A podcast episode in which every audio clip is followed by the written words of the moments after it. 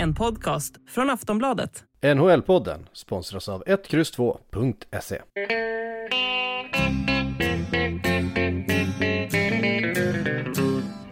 Hello out there, we're on the air. It's hockey night tonight.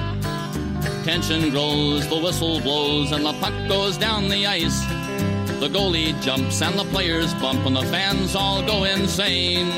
Someone roars, Bobby scores at the good old hockey game. Oh, the good old hockey game is the best game you can name. And the best game you can name is the Hallå, hallå, hallå, hallå, hallå, hallå, hallå, hallå, hallå, hallå, hallå. Hallå ja, och välkomna till NHL-podcasten med Jonathan Bambi Tvekeliv Ekeliv eh, i sin vanliga eh, hälsningsfras, ramsa. Hallå? Eh, I Stockholm och jag då Per Bjurman i New York. Tillbaka i holken på 48 våningen med utsikt över hela Manhattan. Det gick. Jag tjatade ju hela förra avsnittet om eh, jag la till brasklappen om allt funkar som det ska. Ja, kanske tiden. tvåsiffrigt antal gånger. Ja, och, och det gjorde det. det. Det funkade som det skulle. Ja, men så skönt. Det var, det var inga konstigheter alls egentligen, eller hur, hur, hur Nej, det får man resan? väl...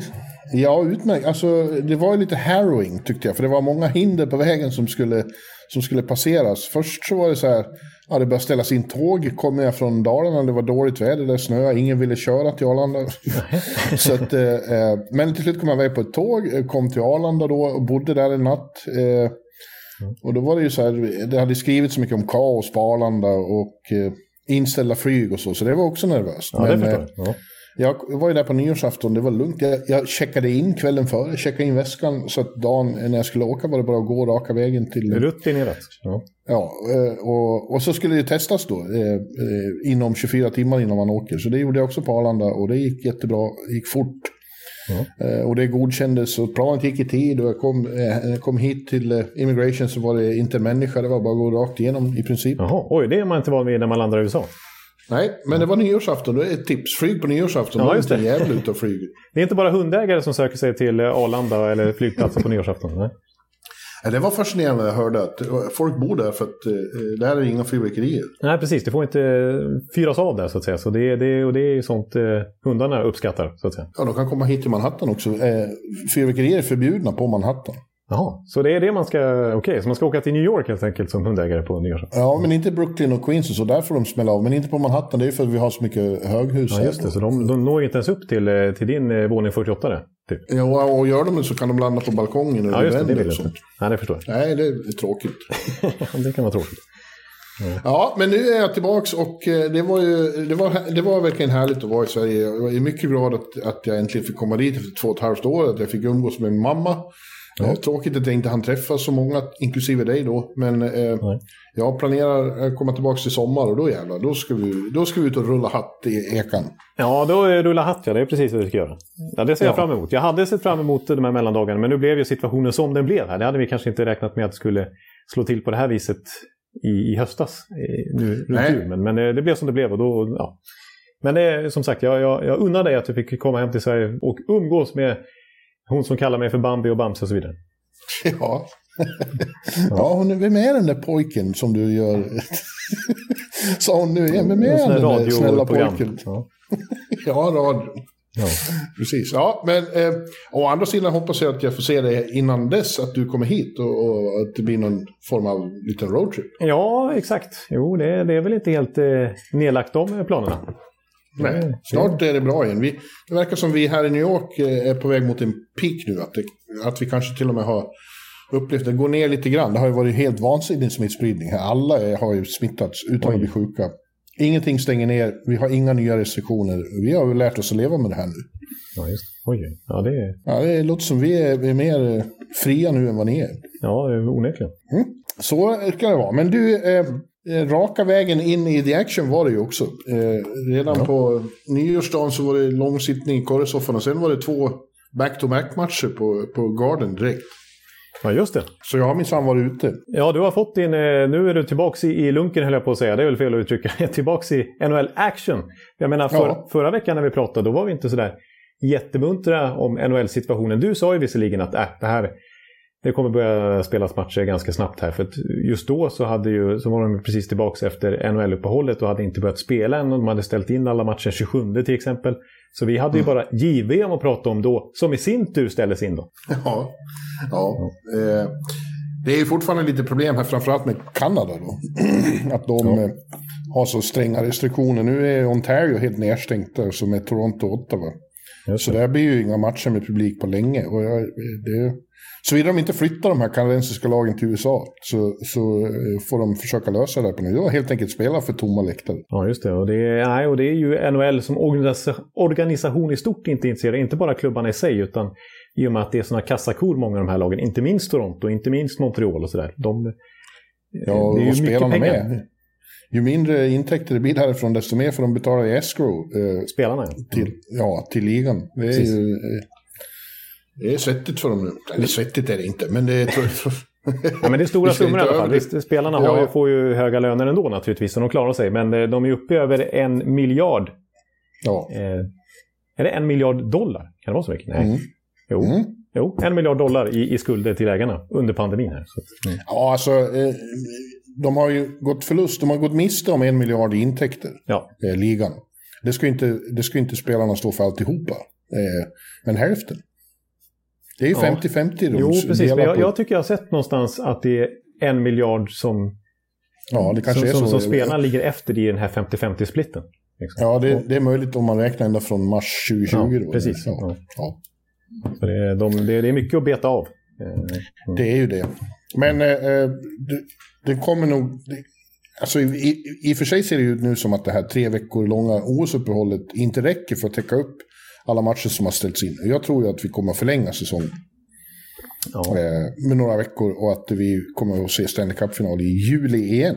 ja, det blir så alltså. Det är som var så noga med att försöka Ja, men vad ska man göra? Liksom? Ja, vad ska man göra? Precis. Nu är ju situationen som den är och det kanske var naivt att, att utgå från att det skulle bli en helt normal säsong igen. Ja. Men det är Kanada som är problemet. Jag tycker jag flyttar dem permanent. Ja. Flyttar de sju lagen till Houston, New Orleans. Eh, ta bort Kanada. Ta bort Kanada. Ja, nu, det var nog ditt starkaste statement i hela poddens historia. Ja, jag tror inte det var helt Kolon. seriöst. Ta bort Kanada. Nej, jag förstår att det kanske... Ja. Ja. ja. Tror jag skulle bli populär om det förslaget kom ut i Nej, Kanada. jag tror faktiskt inte riktigt det. det. Det skulle nog vara en värre storm än när du utsåg Jason Robertson till årets rookie, det tror jag. Ja, helsida i The Sun, Toronto Sun. This person wants Canada to be eh, locked out of NHL forever. Ja, jo. Ja, då... Ja, nej Bjurman, det, det, jag, min, min rekommendation är att du inte går ut med det för tydligt. Nej, jag, jag, jag tycker inte det. Nej, jag förstår. Men kanske, eh, kanske tillfälligt, det är ju besvärligt. Och I basketen har de ju gjort så att Raptors spelar i USA. Ja. Det gjorde i alla fall ett tag. Eh, eftersom, men det är ju bara ett lag de har i, i Kanada då, NBA. Ja. Eh, det är- skulle vara väldigt svårt att, att husera sju lag här tillfälligt. ja, det är värre logistiskt. Och, Ja. och på, på kort varsel fixa dessutom mitt i säsong. Så här. Men eh, det känns som ett alternativ för att få den här säsongen att gå ihop inom rimlig tid. Absolut. Ja, vi får se. Eh, du nämnde ju JVM där som vi hann börja gotta oss lite grann åt. Och sen gick det bara några, några dygn så var JVM över. Inställt. Eh, och det känns ju som att det var katastrofalt eh, hanterat av framförallt IIHF då. Detta, eh, ja, jag, jag, jag säger ingenting så ingenting sagt. Nej, det är väl en organisation man kan ha sina dubier kring. Men absolut, och det var ju också lite restriktionerna som gäller i Kanada som drabbade JVM, där det är, som är mycket hårdare än till exempel USA. Men då måste man, både, framförallt från organisationens sida, varit förberedda på det, för det verkar man ju inte varit. Nej, det är ju det är till att börja med lägga ett arrangemang då i ett land med så, sån covid-skräck så de har sådana eh, drakoniska restriktioner att man förstår att det räcker med några fall för att det ska bli panik där uppe. Ja. Och samtidigt då så eh, vinnlägger man sig inte om att bygga en riktig bubbla. Nej, det är ju det största problemet när man väl är på plats, så att säga. Ja. Så det, var ju, det hade man ju kunnat räkna ut med armbågen. Det kommer ju att bli något fall här nu när folk går in och ut ur de här hotellen. Ja, det var väl bröllop med hundra gäster till exempel på samma hotell som vissa lag bodde på. Så att, eh, bedrövligt och, och eh, ja, man, eh, jag blir beklämd. Liksom. Och, och, och, så fruktansvärt då att eh, till exempel målvakten är Wallstedt Ja. Eh, testar positivt, har inga symptom, men blir, blir fast i Kanada. eh, Isolerad på ett hotellrum. Ja, Medan exakt. resten Resten-. Precis, resten av Sverige åker hem medan han får sitta eh, i Red Deer. Då. Mm. Flera, flera dagar och fira nyår där. Ja, bedrövligt. Jag tycker, jag, jag, nu har han ju kommit hem tack och lov, men eh, jag kände starkt för honom och tycker att eh, eh, han och Luleå borde kompenseras på något vis av, av den här klantiga organisationen. Ja, det var ett, det var ett fiasko. Fiasko monumentale som du skulle ha skrivit i, i bloggen. Ja, det Men- var det. Eh, Men sen har det varit lite surr igen här får man säga, apropå landslagshockey om OS. Vi har pratat mycket OS sista veckorna. Ju. Ja. Och det faktum att det inte blir några NHL-spelare där den här gången heller. Eh, och så har ju Bettman här varit ute nyligen och sagt att hej, jag tycker att OS ska flyttas till sommaren så slipper vi bry oss om det här. Då är inte NHL-säsong och då, då får ni göra vad ni vill med dem. Ungefär. Det har ju jag föreslagit tidigare faktiskt. Har jag varit ute på Twitter om för, för, för fem, fyra, fem år sedan när det var Sydkorea, det inte blev något i Sydkorea. Ja, just det. Det har ju funnits på förslag tidigare. Och, och då, men då blev jag ju körhalad på Twitter av, av till exempel Stefan Holm, höjd, höjdhopparen som ju ingår i IOK. Det var det dummaste han har hört och det kommer aldrig att ske. Alltså. Eh, och, och grejen är att Bettman har ju också, eh, jag såg en intervju med honom under Winter Classic eh, i Minnesota där i lördags. Mm. Mm. Då eh, kom det där upp och han sa, jag har tjatat på IOK om detta sedan mitten av 90-talet om att flytta till, till sommaren. Så det är liksom inget nytt han har kommit på nu. Nej, det är Och- 20 års tid, drygt. Ja, och, och, och sa då att och, och de vägrar. De, eh, hockeyn betyder för mycket för vinter-OS i intäkter och så. Eh, så det kommer inte att ske. Och ändå kommer det här ut nu som ny, att det skulle vara någon slags nyhet i det förslaget. Nej, det är, Men ja, alltså det är ju helt. Jag tycker definitivt det var, vad enkelt det skulle vara. Eh, att ha, då är, behöver man inte avbryta någon NHL-säsong. Alla kan åka eh, vart fjärde år. Det, det skulle väl vara perfekt. Ja, då slipper vi alla, all den här diskussionen hela tiden som är OS efter OS och som till och med resulterar i att det inte blir några spelare. Men eh, ja, jag, jag kan ju rent sådär eh, principiellt tycka att det är liksom märkligt eh, att eh, ha en issport mitt i sommaren, liksom i ett sommar-OS. Det, det, det, kan, det skaver lite i mig, det får jag hålla med om. Varför är det inte då konstigt att basket spelar på vintern och sen är med i sommar-OS? Nej, jag vet. De har ju samma säsongsupplägg som NHL och de spelar inomhus och så vidare. Men det är ju ingen vintersport per definition ändå. Även om de spelar på vinterhalvåret, ju. Det där köper du inte. Nej. Däremot Jag tycker det är, det är så trångt. Det, det, då letar man efter eh, skäl att inte lösa problemen istället för att försöka lösa dem. Ja. Ja, det har ju alltid varit så. Det ska vara is och det ska vara på vintern. Who cares? Nu, nu för Nu blir det tiden. Ingenting. Nej, den där, den där inställningen tycker jag är tråkig, Ekeliv. ja, det... ja, det är bra. Ja, ja, men däremot så, däremot, ja, alltså jag kanske går att, att övertygas i den här frågan. Jag har ju, har ju övertygats i din eh, käpphäst där om att flytta VM till hösten åtminstone. Att köra VM i september, till exempel som man Ja, har gjort med det World Cup. skrev jag en krönika om här Ja. förra veckan. Ja, och vi pratade lite om, i, om det i podden också. Det, det, det, där är jag helt med dig. Eh, Ja. Och där pratar vi också om att, att IHF i sin tur då inte skulle gå med på det av olika anledningar. Men, vilket jag tycker är märkligt. Men eh, då skulle ju NHL vara med på det också förmodligen. Eh, när det inte är mitt i deras säsong utan det blir som en uppladdning inför deras säsong istället. Ja, men det är ju samma där. Eh, när de säger nej, nej, nej. Så här har vi alltid gjort. Eh, Och den inställningen, den, eh, den, den känns ju alltså, debil. Nej, vi har alltid gjort så här. Då ska vi göra så nu också. Allt annat är besvärligt och problematiskt. Då, då, då, så kan man inte gå genom livet. Nej, Nej jag, jag, jag gillar ändå, eh, jag måste säga det, att eh, det är uppfriskande med, med ut med Kanada och IHFs inställning är debil. Och, ja, ja. Jag går på offensiven ja, du är på idag. offensiven idag. Det, det tycker jag är lovande. Pack possession Bjurman. Ja, verkligen. Ja, Powerforward. eh, Ja. Ja, jag är någon eh, defensiv, tråkig back. Antingen, antingen vill man ha det status quo eller också försöker man göra någonting åt det. Ja. Ja, jag känner mig som någon så här Mark Eduard Vlasic, en stay at home defenseman som bara... Samma sak Ja. år efter år. Ja. Ja, du och Fasel och, och, och Anders Larsson. Aj då, jag Sitter blev samma eh, båt. ihopklumpad i, i den eh, svängen. Ja. Ja. Nej, jag får rycka upp mig nu. Ja. Nej, men det är ju tråkigt. Eh, Vi har ju sagt det flera gånger att vi aldrig får se en riktig turnering. Med, internationella, med de bästa. Liksom. Det är bedrövligt. Och I och med att det är så så känns det som att för att undvika de här diskussionerna gång efter gång efter gång så får man väl göra någon radikal förändring då som bryter mot historiska mönster. Liksom. Men vi kan ju inte ja. hålla på så här och inte få någonting som situationen är just. Så det köper jag. Man så tycker det. Ja, jag börjar eh, hamna lite mer på din sida, det måste jag ändå säga. Det är bra. Det är bra. Vi har, vi har kört så mycket forechecking nu så du, du orkar inte stå Nej, jag orkar inte längre nu. Nu, nu, nu, nu byter vi ämne. Alltså jag åker byte så att säga. Det var en dålig segway även. Nej, det var på väg att bli bra. Det höll på att bli bra i alla fall. Ja. ja, eh, det är ju NHL det ska handla om i första hand i den här eh, podcasten. Och ja, som du sa redan i början, det har ju varit faktiskt rätt mycket action nu. Även om det fortfarande är lite inställda matcher så är det vissa kvällar är det, är det ändå en hel del. Ja. Och vi kan ju se vissa tendenser hos vissa lag och vi har några som vi tänkte titta på här som är väldigt heta just nu och, och, mm. och övertygar. och mm. några som inte gör det också. Ja. Vi kan börja med, med, med, eh, ja vad ska vi börja med Jonte? Vi kan börja med Pittsburgh Penguins tycker jag som ja. eh, eh igår tog, ja vad, vad, säger man, kaffe, kaka, nio raka.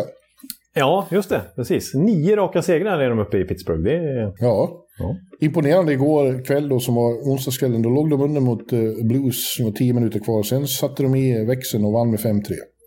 Ja. Ja, de, precis, de vinner på olika sätt. Ibland vinner de med sitt försvarsspel och ibland eh, liksom kommer de ikapp från underläge. Och ibland så bara öser de in mål som någon kväll innan den när de gjorde åtta mål. Mm. Eh, så att, och de gör det fortfarande utan Malkin. Ja, han är ju nära comeback nu. Han kan väl göra eh, comeback här vilken dag som helst höll jag på att säga. Men han har ju varit borta hela säsongen. Alltså det är det som är sjukt med, med Pittsburgh. Att de faktiskt ligger där de ligger när Malkin inte har spelat på hela säsongen. När Crosby missar första månaden och inte varit kanske... Han har varit bra den här säsongen sedan han kom tillbaka, men inte sådär Crosby superbra kanske. Eh. Nej, det här är ju laget som är bra. Liksom. Ja. Det, är, det, är ju äh, verkligen. Och...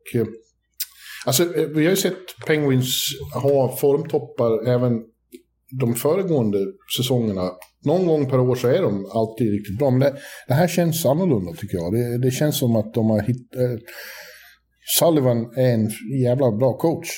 Ja, och han har fått ja. det här laget och, och ja, agerar som den maskin han vill ha där ute. Ja, precis. Det, det är ju han som ska ha väldigt mycket beröm och jag kan hinta om här att vi ska köra NHL Awards här igen. Det är ju en ny månad och då är det dags för en uppdatering och, och Mark Sullivan är väl aktuellt för ett, för ett pris där så att säga.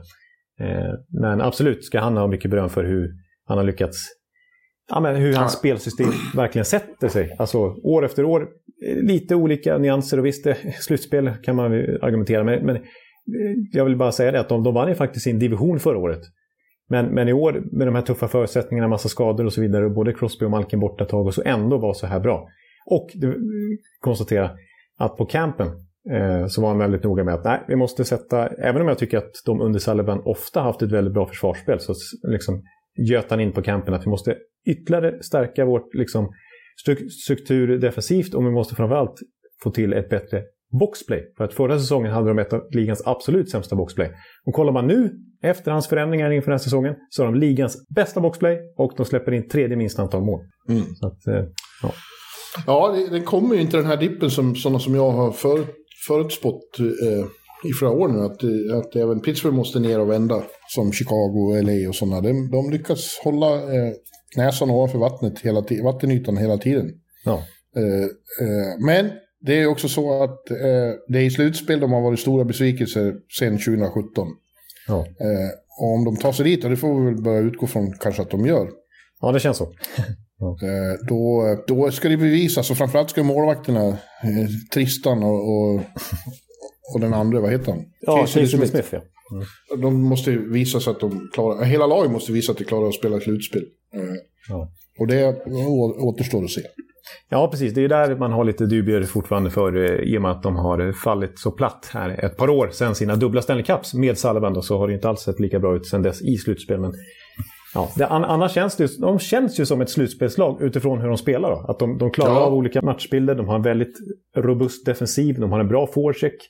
Eh, de har ju en bra målvakt just nu i alla fall. Han var inte det mot Islanders i våras, men eh, Tristan Jarry är ju, toppar ju flera, i alla fall med i toppen av flera tunga statistiska kategorier. Han har gjort en kanonsäsong. Mm.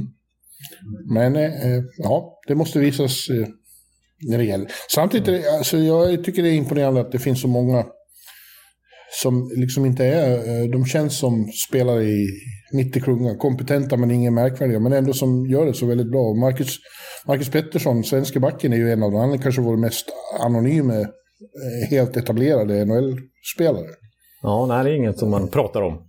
Extremt stabil eh, och gör sällan misstag och, och, och liksom, det är enkelt och rakt och, och, och väldigt säkert. Ja, precis. Han har ju under ett par år nu får man faktiskt säga format eh, backpar med John Marino och de är väldigt habila. Mm. Eh, får ju verkligen spela ihop match efter match efter match för att de är så pass pålitliga och salven. Eh, lita på dem 100 procent.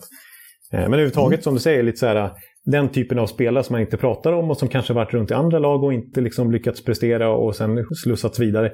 Alltså en sån som eh, man kan ta många exempel, men det tydligaste är väl Evan Rodriguez. Nu har inte han varit i så många lag, men han, eh, han var ju lite hypad när han kom upp i Buffalo eftersom att han var radarpartner med Jack Eichel. De spelade ihop i Boston University och liksom, man, trodde att det, visst Eichel var naturligtvis mycket mer hypad än Rodriguez. Men att, att det kanske skulle kunna leva vidare där också, men han blev ju ingenting i Buffalo. Och så kom han till Pittsburgh och sen så var han faktiskt en kort sväng i Toronto utan att spela en sommar. Konstig grej som hände där med kontrakt hit och dit. Eh, och nu helt plötsligt så är han nästan point per game i Pittsburgh här när, när Crosby och Malkin var borta. Han gjorde hattrick i helgen. Han, både han och Brian Rust hade hattrick i samma match. Det ser man inte så ofta. Nej, det är precis. Det händer väldigt sällan. Och så här, men Danton Heinen ont som om varit lite... hattar. Ja, ja, precis. Ja, exakt. Vi kommer behöva hattar när vi ska rulla hatt här i sommar. Oh. Ja, men, eh, ja, men eh, så Danton Heinen, lite journeyman som helt plötsligt har eh, börjat leverera här i Pittsburgh. Det finns många sådana exempel. Det blir intressant att se när det blir dags, när det börjar liksom röra sig ordentligt på trademarknaden. Om de... De har ju haft en, eh, en tendens att, att göra rätt mycket i Pittsburgh. Eh, framförallt under, under Rutherfords tid. Ja. Men även eh, de som bestämmer nu känns som de är väldigt jämnt sugna på att spetsa till kompotten. Men det kanske de skulle låta bli nu och låta det här laget vara. Ja, det kanske är dumt att börja rucka med kemin när det faktiskt funkar. Nio Ja. raka segrar liksom. De, det, det sitter verkligen nu. Så att, eh, det är precis, det kommer jag ihåg att vi var inne på.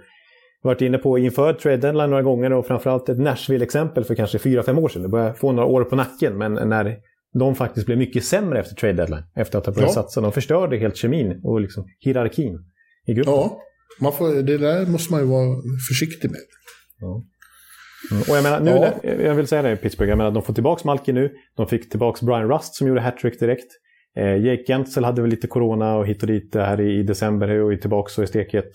Eh, nu när de kanske för en gångs skull är friska, liksom, då blir ju det som nyförvärv. Eh, och kan de behålla det här spelet som redan har satt sig, jag menar, då, då kan de ju ha ytterligare en dimension kanske. Mm. Ja, det, eh, det är ju dock en, det har ju varit en grej några gånger att, att de har varit som bäst när bara den ene i, i The Two-Headed Monster har spelat. Och så Ja. blir man förvånad att den andra kommer tillbaka och så blir det inte det på något vis neutraliserar varandra. Nej, det är Det sant. Det borde sant. inte vara så. Nej, Men, Malkin eh, brukar vara som bäst när Crosby är borta.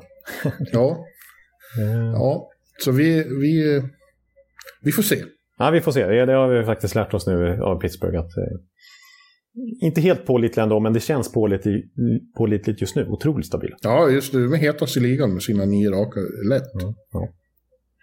Du nämnde Nashville där i förbigående. Det är ju ett annat lag som överraskar väldigt positivt just nu och ser riktigt starka ut. Och framförallt ser de mycket starkare ut än vad vi trodde att de skulle göra när säsongen började. De leder ju faktiskt Central-divisionen när vi går in i, i i januari här eh, och, och tar fart mot, mot eh, ljusare tider. Det hade vi inte räknat med, Jonte. Nej, både du och jag hade dem utanför slutspel och unisont. Eh, kollar man på tips runt om bland folk så, så var ju Nashville inte ett slutspelslag. Och till och med David Poyle sa ju inför säsongen att de skulle ta ett steg tillbaka nu.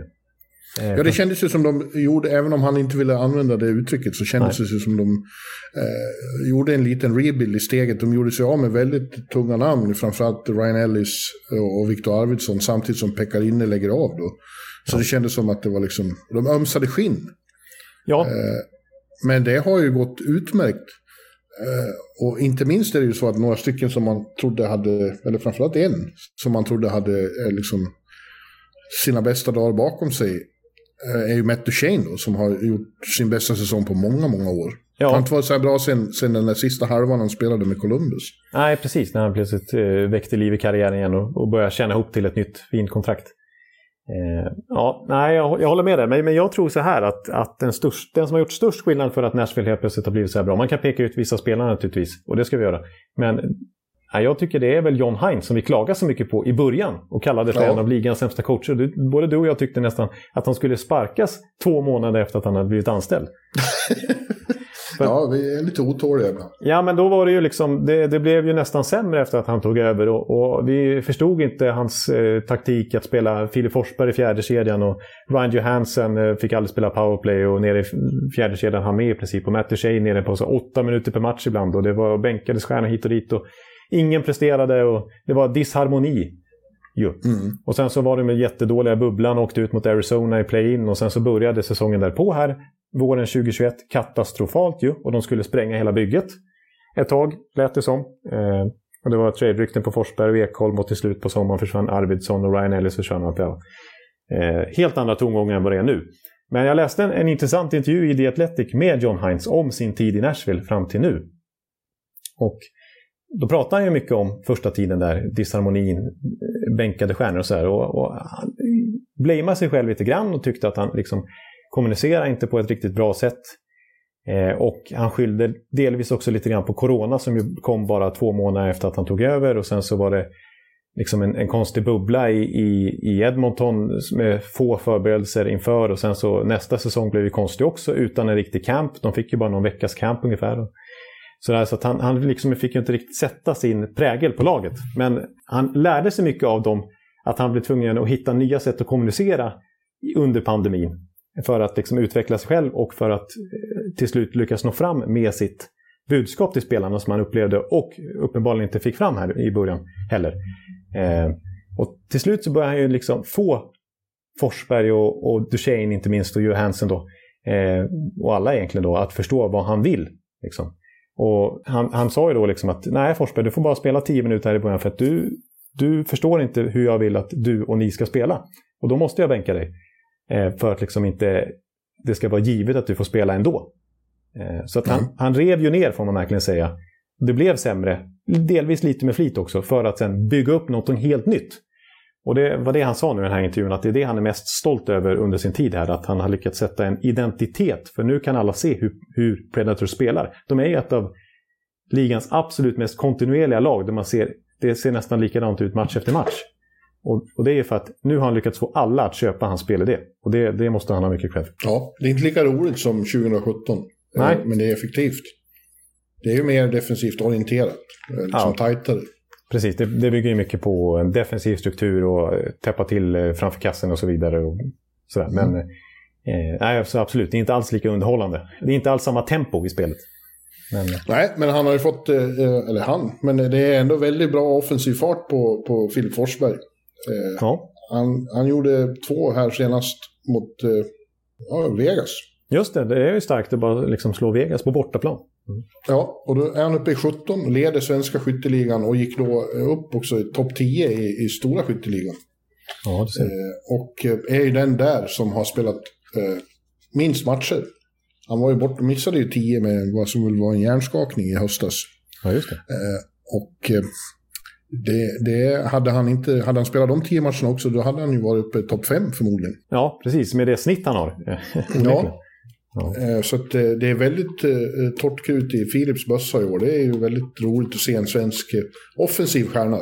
Ja, och svensk skarpskytt. För han är ju verkligen en sniper dessutom. Det är ju sånt vi ja. har varit ondast om, om man kan säga så. Minst. Ja. Ja. ja. och det är ju viktigt för Filip också. Det är kontraktsår. Ja, just det. Att... Och ett tag så höll ju den här Athletic-skribenten som jag utgår var den du läste, Adam ja. Wingen. Ja. Att, att Filip borde tradas. Eh, men det har han ändrat sig nu. Ja, nu har han bett om ursäkt. Ja. Eh, så att det, eh, det blir nog en prioritet för dem att behålla Filip. Ja, precis. Och där var ju Heinz inne på mycket också. att just De pratar främst om, om Johansson och Duchene som är liksom de som underpresterar mest tidigare men som har växt till liv i år här. Eh, men också om Forsberg då, de har tittat mycket på video för att han ska utnyttja hans styrkor och för att han ska förstå spelsystemet och allt det här. Och det ser man ju verkligen frukten av nu, att, att Foppa, eh, om man får kalla honom så, eh, Flipper, Flipper snarare kanske. Ja, tack. säger jag. Det är Ja. många som säger forra, men det tycker jag låter så fruktansvärt fult. Ja, ja. ja då, då, då håller, jag, håller jag med till Flipper. Nej, men alltså, han är, han är i sin bästa form kanske någonsin i karriären just nu. Alltså 17 mål på 25 matcher. Eh, nu kommer jag av mig. Eh, Mhm. Jag fick ju konstigt Du fick sms. forra i, huvudet. Nej, jag fick ett konstigt sms. Eh, det är också, man trodde ju att eh, han, eh, eller beroende, men, men att han var, eh, att mycket byggde på den kemi han hade där med Victor och, och Johansson. De var ju en kedja som spelade ihop i många år. Ja. Men, men som Heinz då har monterat ner. Och nu har han ju utvecklat fantastisk eh, kemi istället med, med Duchene då, och inte minst Mikael Granlund, eh, Ja. finländaren. Ja. Han har ju varit grym i år. han, Det är han som står för nästan alla framspelningar och de framspelningarna är lysande. Ja, precis. Han är ju point per game. Eh, han är också liksom, kanske sitt poäng, bästa poängstim i karriären. Eh, och det var ju, han tänkte de ju släppa i somras. Han var ju också en sån där som de skulle offra och gå vidare från. Men så till slut så, så blev det plötsligt ett nytt kontrakt. Och jag för mig att det var lite stökigt där att, att det var klart att han inte skulle vara kvar timmar innan han skrev på. Ja, det var jättekonstigt. Ja, alltså, just det det. var ju verkligen jättenära att han lämnade. Och nu är han liksom... Ja, det är verkligen många av de här kritiserade spelarna som är kanonen. Jag menar, Roman Josie har kanske inte varit jättekritiserad, men han började, han, för att vara Roman Josie hade han han en otroligt svag säsongstart i fjol, han med. Mm. Men nu är ju han uppe på... Säsongen innan vann han ju Norris. Och nu tycker jag nästan han är uppe där på Norris eh, nivå igen. Absolut, absolut det är han. Eh, och det finns ju några som, eh, jag pratade med Filip efter den där Vegas-matchen, han sa att vi, visst, vi har fått in några nyförvärv, men framförallt så tyckte han att det är killar vi redan hade här i fjol som har tagit stora steg framåt. Och det är ju helt sant med en sån som eh, Geno. Ja, Tanner exempel. och, och precis den här Jakov Trenin till exempel. Ja, Eh, Som man inte kanske trodde. Man trodde ju, alltså jag tror snarare att, att David Poyle då, eh, som trodde att de skulle ta ett steg tillbaka då och som gjorde lite den typen av trader bort med Arvidsson, bort med Ryan Ellis. Han trodde ju då mycket på de han fick tillbaks i Ellis-traden. Det var ju Philip Myers och sen i förlängningen Cody Glass. Men eh, Glass är ju nere i AHL, har ju varit en besvikelse.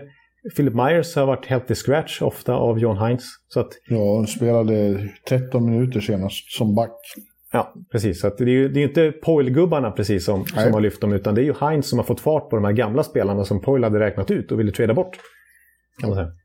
Sen ska det också understrykas att Jussi Saros har varit sensationell i kassen. Han, han är snudd på Vessina eh, värdig Jag, just nu. jag tror många Nashville, Nashville-fans, om de ska peka ut en MVP den här säsongen, skulle nog många Ja. sätta, sätta den på Saros trots allt. För han har ju varit fantastiskt bra. UC.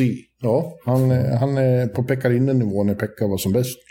Faktiskt. Ja, alltså det är inga överdrivna ord. Och, jag, kommer säga, jag kan hinta redan nu om att jag kommer återkomma till honom i vårt sista segment. Ja, Ja. ja. intressant. Ja. Ytterligare ett lag då som jag kastades in och såg två matcher i rad på, på Garden. Eh, två dagar i rad såg jag dem och det var ju New York Rangers då som eh, Mm. skrällde till med segrar. Två raka segrar mot Tampa, borta hemma. Och sen slog Edmonton också då. och eh, tillfälligt gick upp i, i serieledning i sammanlagda tabellen. Fortfarande leder hela isen. Ja, eller Tampa är faktiskt förbi, men de har sett till poängsnitt så är de ju före Tampa. Så. Ja, just det. Tampa är förbi. Men, men ja, de leder Metropolitan fortfarande. Mm. Eh, De har ju några fler matcher spelade och så. Men ändå, det är ju också anmärkningsvärt med tanke på vad vi trodde innan. De, de har inte varit i serieledning sedan 2016. Eh, Ja, det är så länge sedan. Oj, oj, oj. Ja. Eh, och eh, det är ju förvånande, inte minst som de här matcherna de vann, till exempel den andra mot Tampa utan Panarin då, som är i covid-protokoll. Ja, Nej, precis. Det, jag kommer ihåg liksom bara en sån här sak. Nu är, finns det ju många orsaker att, att förklara det här med. Men, men om, vi hade, om jag hade sagt till dig här i september att i januari då tror jag att det skiljer 22 poäng mellan Islanders och Rangers i tabellen. Och att Ja, Islanders då hade jag sagt sist. att Islanders, ja, Att, att det var Islanders som skulle ja, nej, Ja, visst. för de kändes mycket mer stabila medan Rangers nu i flera år, även här på slutet när har förväntat att de ska liksom lyfta sig, så har de känts väldigt svajiga i prestation och, och verkligen upp och ner. Liksom. Men, men i år så, eh, de har ju knappt haft någon riktig svacka. Nej, och jag, jag, den stora skillnaden mot i fjol är ju att de har en riktigt, riktigt bra coach i år. Det Ja. skulle jag vilja påstå. Det är ju i princip samma lag. Mm. Eh, Det är några ändringar här med Goodrow och sådana som kommer in. Och, men, men det är ju... och Reeves. De har blivit tuffare och det, betyder, det har definitivt betytt en del tror jag man kan säga. Det, det känns som att Barclay Goodrow har bidragit med rätt mycket även som bara gestalt på något vis. Alltså... Inte minst mot Tampa, han var jävligt ja. inspirerad i de matcherna. Ja, jag vet. Det gillade jag inte. Nej. Nej, men, men det är han... Eh, jag är mycket imponerad av Jared Gallant. Han är fruktansvärt mycket bättre än den här eh, halvmesyren som stod i båset förra året. David Quinn, ja. Mm. ja eh, han har liksom eh, satt två backpar som är väldigt bra. Det är bara så. Eh, mm. Fox och Lindgren. Mm. Och sen eh, Kander Miller och Troba. Ja. och han är liksom... Han, det, han gjorde ju det här i Vegas sitt första år där också liksom, och, och, fick komponenterna Falla på plats hur är det man säger? Mm. Ja, men hur är det man säger? Man får en, en, en, en, en helhet som Du ska inte vända dig till mig, du får, du får ringa en vän här. ja, men det är en helhet som är större än summan av ja, de enskilda den, delarna. Ja, den känner jag till. Ja. ja. Eh, och spelare som man liksom har tyckt varit så här med. Eh, mm. Som eh, Strom och, och, och, och Hytil och, och några, de, de är plötsligt mycket bättre. Han, eh, det känns som att han satt ett system som, som gynnar alla. Ja, ja och nu ska vi inte... Jag har sagt det hundra gånger att vi inte ska dra några paralleller av det F-VM som spelades i Belarus här i maj eh, 2021. Men, men eh, Galant kom in där. Det var ändå liksom en grupp han fick ihop och de gick och vann hela, hela VM. Så han, han lyckas ju på något sätt implementera sitt spelsystem snabbt. Nå fram till ja. spelarna.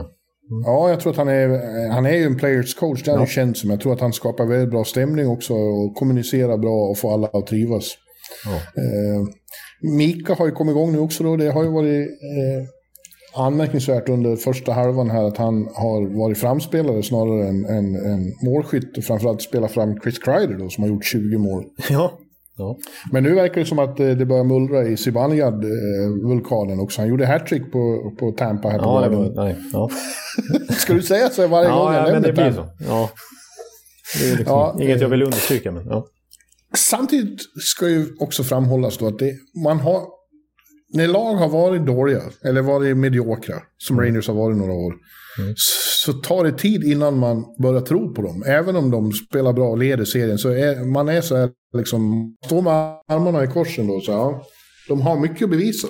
Och nu är de ute på en lång roadtrip. Jag tror den avgör vad Rangers är för någonting. De, de ska spela nu mot Vegas, eh, Ducks, Kings, Sharks och Flyers på vägen hem. Det är väl säsongens längsta roadtrip. Den, den tror jag blir en vattendelare, om de är på riktigt eller inte. Ja. Ja, när de får den Eller hur, men det är ju så ja. när, lag, när lag plötsligt får sådana här lyft. Visst, visst avvaktar man lite. Ja, det håller jag med om. Att man, liksom, man köper ju inte med hull och hår direkt. För man vet vart det kan hamna till slut ändå. För visst, nu har inte Rangers haft den här typen av ja, kvalitet över tid på, på länge. Men ändå, det, det, vi pratar ändå bara om en halv säsong. Ja, och det, så man blir liksom... Man, man, eh, och målet är ju contender-status på riktigt. Att de ska liksom, vi ska prata om dem i samma ordalag som Tampa och Vegas och Colorado och Carolina. Ja. Liksom. Mm. Och jag tror inte det bara är vi som känner så vid sidan om. Jag tror motståndarna också. Liksom, det tar tag innan man sätter sig i verklig respekt hos motståndarna och framstår som ett, som ett riktigt bra lag. Ja. På ett sätt kanske det är fördelaktigt. Eller så är det ja. inte det. För, för man, då kan det bli någon viss underskattning. Men samtidigt kan det bli det här att eh, ja, om, om, man, om man som lag har en väldig respekt så kan man få motståndarna att bli mindre också. Mm. Sen, det, sen har de en väldigt fin målvaktssituation. Sjistorkin ja. har ju varit helt grym. Den där Tampa-matchen var han ju helt makalös. Ja, jag fick några sms om att det, han är världens bästa ryska målvakt och så vidare. Ja, han vann ju definitivt målvaktsmatchen mot en, mot en eh, Vasilevski som har kommit tillbaka från covid och inte riktigt var sig lik. Nej, knappt haft en träning på tio dagar. Ja. Men, men, men ändå. Eh. Men sen då, matchen efter mot Edmonton kommer eh, eh, Bulgaren in, eh, Georgiev, och är ju lika bra han. Ja, det, det tror jag ändå är en... Nej, inte lika bra, men han Nej. var väldigt bra i alla fall. Nej, precis. Men det är ju, det är ju en fördel för jag kommer komma in på Sjestjorkin här i sista segmentet också kan jag ju naturligtvis ja. Eh, komma in, eh, säga det redan nu. Men att, att ändå ha en sån stabil backup som Sjestjorkin har. Alltså jag menar, Georgia var ju spelat 14 matcher den här säsongen. Delvis beroende på att eh, han var ju skadad ett tag där, eh, Mm. Men att kunna ha den tryggheten att det inte enbart är upp till honom är ju naturligtvis en fördel. Man måste inte belasta Sjestjorkin med 70 matcher per säsong. Nej. Nej, det är såklart en, en väldig fördel. Känns som liksom det som Islanders hade i fjol har flyttat in till Manhattan. Två riktigt stabila ryska målvakter. Ja, och ett, ja precis. Och ett eh, kompakt försvarsspel framför honom. Eller dem. Ja.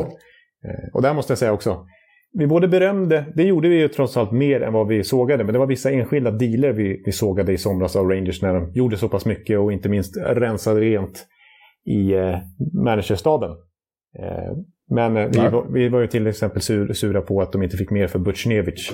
Sådär. Men, men generellt sett om man tittar så här så det var många bra moves. Inte, Ga- Galant är naturligtvis det bästa draget av Rangers att ta in honom som coach. Det pratas om att den gamla ledningen med Gorton, med John Davidson, ville ge David Queen ett år till. Och då tror jag inte Rangers hade lett divisionen vid det här laget. Nej, ver- verkligen sant. Eh, med, med facit i hand så var de flesta movesen de gjorde bra. Ja, precis. Och Det är en, fortfarande, man, man tycker fortfarande att det, var, eh, att det inte är helt okej att, att byta Bushnevich mot, mot eh, Sammy Blay. då? Blay, som är borta resten av säsongen dessutom, nu skadad. Mm. Eh, men, men med facit i hand så, ja, so far so good alltså. Och, och bara en sån här sak, så Drurys kontrakt med Sjestjorkin inför säsongen. Det, vissa tyckte det var saftigt med 5,6 miljoner dollar på ett fyraårskontrakt för en relativt färsk målakt i NHL-sammanhang. Även om han har en gedigen KL-karriär också att luta sig tillbaka mot. Och varit bra i NHL första åren. Men nu är han ju verkligen en av NHLs bästa målvakter. Så känner man ju att han är Mm. elit verkligen. Och jag menar att då ha honom i fyra år till på 5,6 miljoner dollar när andra målvakter i hans, på hans nivå tjänar 8, 9, 10 miljoner dollar. Mm. Eh, det är ju ett fynd, det är ett kap. Så Ja. att, eh, också kanon deal från eh, off-season av Rangers. NHL-podden är sponsrat utav 1X2.se och med oss för att berätta lite mer om det och eh, vad det har med NHL att göra har vi Andreas Nord, välkommen.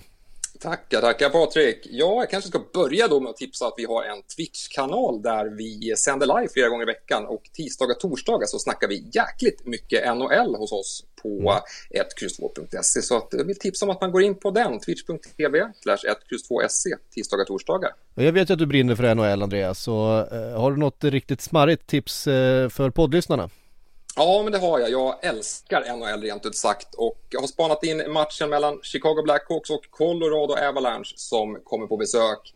Colorado är ju en av de här stora förhandsfavoriterna att vinna Stanley Cup och det finns god anledning till det. Man har en fantastisk offensiv och inte minst i första kedjan med Landeskog, McKinnon och Rantanen som är obehagligt bra.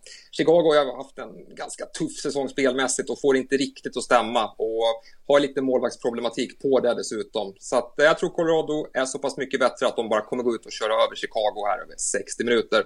Så spelar de att vinna matchen under ordinarie tid till 1,90 gånger pengarna. Och gå in på 1X2.se för att hitta fler tips och rek från Andreas och hans kollegor och kolla in eh, Twitch-kanaler och allt möjligt. Yes. Det finns ytterligare några lag som är, bra just nu. Carolina, Florida. Matchen Florida-Calgary häromdagen var ju kanske årets roligaste, eller säsongens roligaste match. Det var jävla vilket drag det var. Ja, två riktiga... Florida så, Ja. ja, och vad Florida så bra ut. Boston är väl också lite på gång. Men vi ska också titta på några som inte är så på gång. Och eh, ett av de lagen såg jag ju då i, i måndags på Garden. Och det var ju Edmonton Oilers så, som eh, har klivit in i samma märkliga fälla som alla säsonger. ja. Det började utmärkt och man tyckte att äntligen är de mer än en two-trick pony. Eh, Det är inte bara eh, McDavid och Draisaitl, även om de är lysande.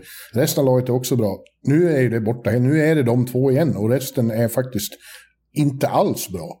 De var en stor, stor besvikelse på Garden tycker jag, hur, hur de spelar som lag. Och hur taffliga de var och långsamma de var defensivt. Ja, återigen ett exempel på att man inte ska sitta och, och eh, liksom dra slutsatser, starka sådana, i oktober. För jag menar, de Nej. förlorade inte en match i oktober i princip. De började väl med Nej. nio raka segrar, eller om det var fler till och med. Men nej, som du säger, nu är de iskalla och, när, när, alltså, och framförallt här i december och början av 2022. Men, eh, men alltså, fa- faktum är att när december inleddes, då ledde de hela västra konferensen. Nu, bara en dryg månad senare, så är de faktiskt utanför slutspel om man ser till poängsnitt. För vissa lag under har färre matcher spelade och kan gå Ja. ikapp. Så att, eh, eh, Ja. ja. det är en stor besvikelse på så många sätt. För man såg fram emot framtida eh, Battles of Alberta till exempel mot Calgary. Att det skulle bli de bästa flera år. Nu, nu, nu är Edmonton det moderna Edmonton igen. Det är, är stor besvikelse. Och, och, och, och de har målvaktsproblem. Det, det har vi ju kunnat liksom sett eh, hur länge som helst. hur länge det helst, duger ja. inte. Inte med att försöka klämma ytterligare några mil ur Mike Smith och sen eh, använda Koskinen alldeles för mycket som de har gjort nu. Då. Det, han, fick, han fick ut skulden för den här förlusten på Garden. Ja. Dave Tippett gick ut och sågade honom rätt ordentligt eh, efter framförallt inledningen då, när han börjar matchen med att skicka en puck över plexit efter 15 sekunder. Ja. Och sen några minuter senare så är han bakom kassen och, och begår ett bedrövligt misstag så Rangers kan ta ledningen med 1-0. Ja, precis. Och då känns det som att Dave Tippett börjar tappa tålamodet också, för han är ju under lupp här nu. Det, det är väl han som Ja, det är mest diskussioner om eh, kan bli sparkad härnäst då. Och, och att Ja. han då går ut och säger att, så här, att Koskinen var direkt dålig i princip. Då, att det är ett brutalt misstag, sa han ju, eh, Mm. om det där målet. Eh, ja, det, det brukar ju tyda på att man inte är helt eh, komfortabel med situationen. Det brukar också vara så att det är inte populärt hos resten av laget när man gör så. Nej, när man kastar folk under bussen på det här viset. Men nu verkar det vara så, som jag har läst de senaste dagarna, att det är många i, i resten av laget som också är missnöjda med Koskinen. Eh, Och själv har han gått ut och, och beklagat sig i finsk media nu. Eh, Ja, han skyllde ifrån sig lite och sa att eh, ja, men det är inte jag, jag kan ju inte göra mål som målvakt och på mina sex senaste matcher så har laget gjort sju mål. Så att, eh, det är väl inte bara mitt fel. Men jag vet inte, det här med att sparka Dave Tippett, ja det hör man ju nu att det är, han, många fans vill. Men de har ju sparkat coacher i parti och minut i Edmonton och det har aldrig hjälpt. Vad är, vad är det som, vem finns där ute som skulle kunna göra något bättre än honom? De ser, alltså sen, sen 2014 har de haft Dallas Eakins, Todd Nelson, Todd McClellan, Ken Hitchcock och nu Tippett. Vem är bättre än dem? Ja, det är ju ganska bra coach egentligen. Vi ser vad Dallas Eakins lyckas med i Anaheim nu och vad Ken Hitchcock har gjort i sin karriär och Dave Tippett generellt sett Och, och över McClellan är ju en riktigt Ja, bra precis. Tom coach. McClellan är ju kanoncoach, verkligen. Och, och, verkligen, precis. Och Dave Tippett, generellt sett, jag menar som spelet ser ut just nu, jag, visst de släpper till mycket, mycket målchanser fortfarande och kontringar och hit och dit. Men, men eh, det är ju generellt sett en, en bra coach som har satt ett försvarsspel i de flesta klubbar han har varit i. Det finns ingen Bruce Boudreau att hämta där ute, det tänker jag, kan jag tala om. Nej. Tänk Tortorella med, med Dreisaitl och McDavid, vilken katastrof. Ja, det tror jag inte på. Då ska han, då ska han eh, liksom ta bort deras kreativitet och göra dem till, nu ska ni slänga och täcka skott hela dagen. Ja, nu ska ni bli Brandon Dubinsky här. Ja, Ja. Precis.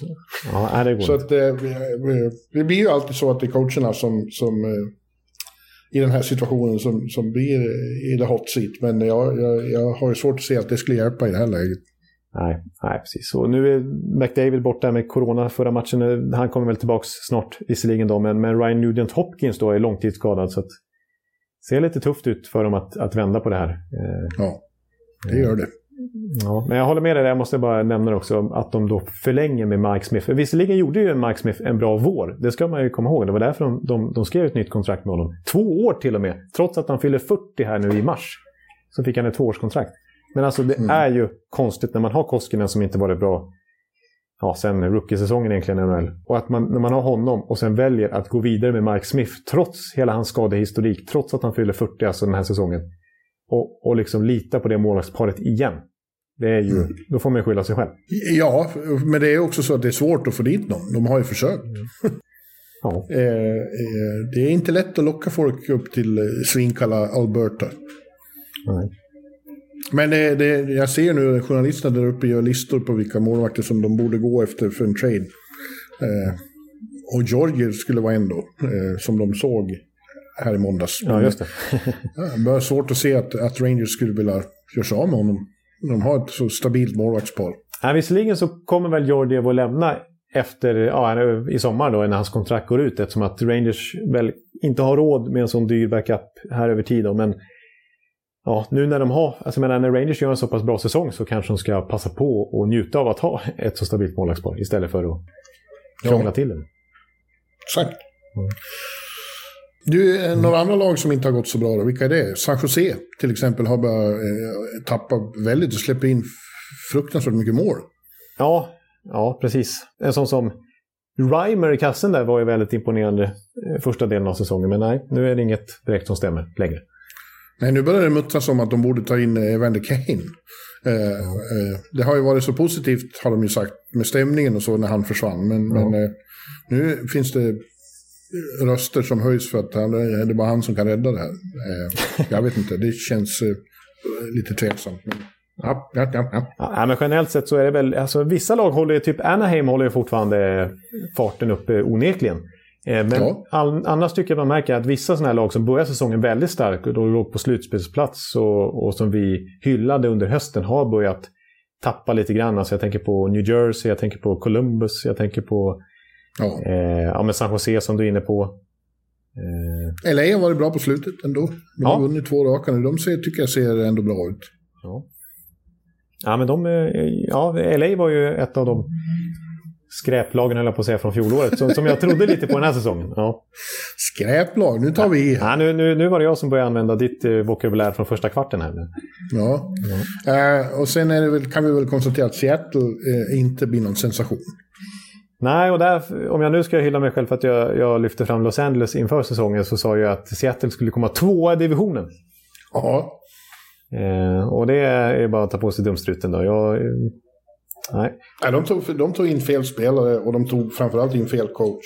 Eh, och det har, inte, det har inte fungerat som de trodde och hade tänkt sig. Jag vill återigen bara säga det, och jag vet att man inte ska gå för mycket på den avancerade statistiken. Om man lutar sig mot den enbart då eh, det, det, det blir för enkelspårigt och det kommer inte utslag på isen. Eh, så, alltså om man, om man bara går efter den naturligtvis. Men, men tittar man där så de släpper till få chanser och så vidare och, och har en bra defensiv. Men Grubauer har ju varit, han har, målvaktsspelet har inte varit bra och de, de kan inte göra mål på sina målchanser. Och det beror väl lite på att de saknar den här riktiga spetsen. Ja, Eh. visst är det så. Ja. Du, eh, i övrigt då, vi har eh, några små moves. Jag, kan- för övrigt kan jag berätta för er nu att eh, här kom nyheten att Nikita Kucherov eh, kommer tillbaka från skada ikväll när Tampa möter Calgary. Ja, men vilken. Men Då, i, där har vi poddens nyhet. Tack så mycket. i gengäld är det tveksamt om Stamkos kan spela. Alltid är det något. Ja, det, då, då ska naturligtvis han bort. Ja, jag kan berätta om någon, någon som undrar. Det handlar inte om några eh, liksom, lönetagsmatematiska frågor längre. Eh, som man alltid tror när det är Tampa. Men så är det inte. Den, den här hösten har inte handlat någonting om det faktiskt. Nej, nej då. Vi är ingen som anklagar. Du behöver inte vara så Nej. defensiv. Nej, jag blev defensiv här nu. Nu blev jag eh, Vlasic igen. Ja, det blev du eh, bitter. ja, precis. Ja. Eh, men det är mm, kul. Ja, men vi har haft några eh, som... Eh, och sen är det klart att eh, Tuukka Rask då har skrivit på ett... ett eh, eh, vad heter det? Eh, PTO, ett sån eh, tryout. Där. ja, han ska spela några matcher med, med, i, i Rhode Island, i Providence. Mm. Och sen kommer han väl tillbaka då. Det är väl nästan givet, är det inte? Och att eh, Swayman får åka ner till Rhode Island. Ja, precis. Med tanke på att de, de kan inte skicka ner eh, Ullmark med sitt kontrakt eh, till dit. Liksom, utan då är det mycket lättare att att wa- alltså, då behöver man inte ens wava Swayman. Eh, men egentligen tycker jag ju att Swayman platsar onekligen i NHL. Han har varit bättre än Ullmark, vill jag påstå, hittills. Men, men man måste ju lösa den här situationen utefter kontrakten. Är... De har ju varit okej båda två, Ja, men det, ja, det har inte absolut. varit den stjärn, stjärnspel som vi är vana vid från Tuukka. Nej, precis. Så, Och nu kommer han tillbaka, så det är goda nyheter för, för alla Bruins-fans, som är rätt många, eh, eh, enligt min empiriska eh, bedömning från bloggen, vilka som har flest fans. Det är, eh, Bruins har rätt eh, ordentligt med fans. ja, en stort stöd. De, Sabres, eh, Flyers... Sabres. Ja, absolut. Det finns väldigt mycket Buffalo-fans i Sverige. Eh, fakt, det, det förvånar mig. Eh, Det är från eh, 90-talet. Eh, och Hasek och eh, så. Ja, de var ju bra i första delen av 2000-talet också. De var Ja, då var de ju för jävla härliga att se. ja, alltså. dubbla Eh, konferensfinaler där runt 06-07 någonstans. Drury och Briere och, och, och den evige favoriten. ah, Affinogeno. Ja, han finner igenom ja.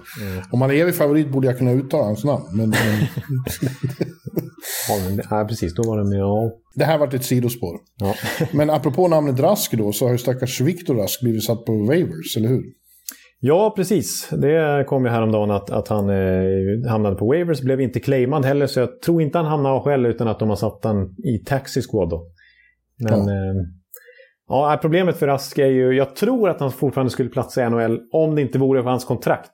Ja, men nu, nu wavar väl honom Minnesota delvis av andra anledningar också. Så jag menar, de, den här rask-wavningen, om man kan säga så, det blev det svengelska, hamnar lite i skymundan där av att den leder till att de har plats nu att kalla upp sina två största prospects. Marco Rossi ska göra debut här i natt och Matthew Boldy, två första runda eh, valda spelare här nyligen. Eh, Mm. det, det ska bli faktiskt bli spännande att se. Det kommer ytterligare kan jag säga över tid här att spetsa till attraktionskraften för, för Minnesota. För det här är två riktigt bra prospects. Eh. Ja. Öst in poäng i AHL. Men jag tycker det är lite tråkigt för Victor, för precis som du säger, jag tycker att han håller hyggligt habil NHL-klass. och har ju varit liksom, han har ju spelat med, med Kaprizov och Zuccarello i, i fjol. Ja, han var uppe där då. Delvis lite på grund av att de saknar centra, men då, han gjorde det ju bra. Den, den kedjan funkade ju. Ja, många reser- reservationer här med vi. Jag ska skicka Victor på dig. Ja, ja. Nej, men... Eh, Ja. och han var bra när han spelade i Carolina. Eh, jag tycker det borde finnas plats, men är klart, är man dyr så är man dyr. Ja, han lever precis. Det är det som han, man har, han har ju den bördan då att, att han har ett stort kontrakt som ingen riktigt vill ha för han lever inte upp till det. Men han är fortfarande en duglig NHL-spelare. Men han är inte 4 miljoner do- dollar per säsong. Bra, men det är ju bara, bara ett halvår till med den här lönen och det är ju visserligen skönt för honom att tjäna så mycket pengar. Men sen kommer han ju fortfarande kunna platsa i eller skriva ett nytt kontrakt. Det är inte så illa att han ska behöva spela AHL eller flytta hem till Europa. Eh, Nej. Någonstans kommer han ju hitta ett NHL-kontrakt igen. Det, är inget, det, det, det tror jag. Och han, för, han förtjänar ju det här kontraktet eh, tidigare. Det var ju därför han skrev det. Sexårskontrakt för 4 miljoner dollar per säsong. Efter att ha gjort nästan 50 poäng där i Carolina. 2015-16 var det väl. Och sen så, ja. Men sen några år senare så bara tappade han av lite grann. Han hade ju otur med någon, någon skada på försäsongen när han skar sig själv i handen va? var det väl när han skulle fixa sötpotatispommes. Ja, just det. Just det. Så att han har ju haft lite otur också med det. Men eh, kan han hitta tillbaka till det där, ja, han är ju inte lastgammal på något sätt, han har ju inte fyllt 30 än. Eh, då, är- då är det ju, han har ju visat att han är god för 50 poäng. Liksom. Hoppas att han biter ihop nu och, och inväntar nästa säsong. Ja. Ja, eh, vad mer då Jonte? Ja, det hade vi kunnat nämna visserligen i Nylander-segmentet, men det glömde jag bort. Men, men eh, Nylander-segment. I Pittsburgh-segmentet ska jag säga, eftersom att eh, eh, Alexander Nylander har tradat dit. Jo. Ja, just det. det så blev det. Eh, Ja. Han har ju inte spelat NHL i år. Han har varit i AHL. Ja, han har inte spelat NHL sedan bubblan i Edmonton faktiskt. Nej, det har ju... Oj. Förlåt, jag satte en morot i tröskeln. Ja, det var den klassiska. Ja, eh, det är problem med kaffet här, Jonte. Min, min kaffebryggare har gått sönder. Eh, och jag skulle gå ut och köpa en ny häromdagen. Men det fanns bara så här fancy jävla grejer. Man måste ha en ingenjörsexamen för att klara av att hantera. Jag vill bara ha en, en vanlig Ohlson kaffebryggare med slutkaffe liksom. Ja. ja, som står och, och puttrar som i ett fikarum på, på, på eh, liksom ett bygge. Ja, förstår. Så vill jag ha det. Och så Som vill du ha öl som sagt. Det har du fått nu i alla Ja. fall. Ja. Ja, Men så nu, just för till, ja, nu till slut fick jag beställa en på Amazon då. Den ska komma idag. Eh, Men fram till det så dricker jag sånt här jävla eh, snabbkaffe som man bara Ja, det man måste röra ut. Ja. Ja, det är ju till och med, det är svagt för vara jag till och med.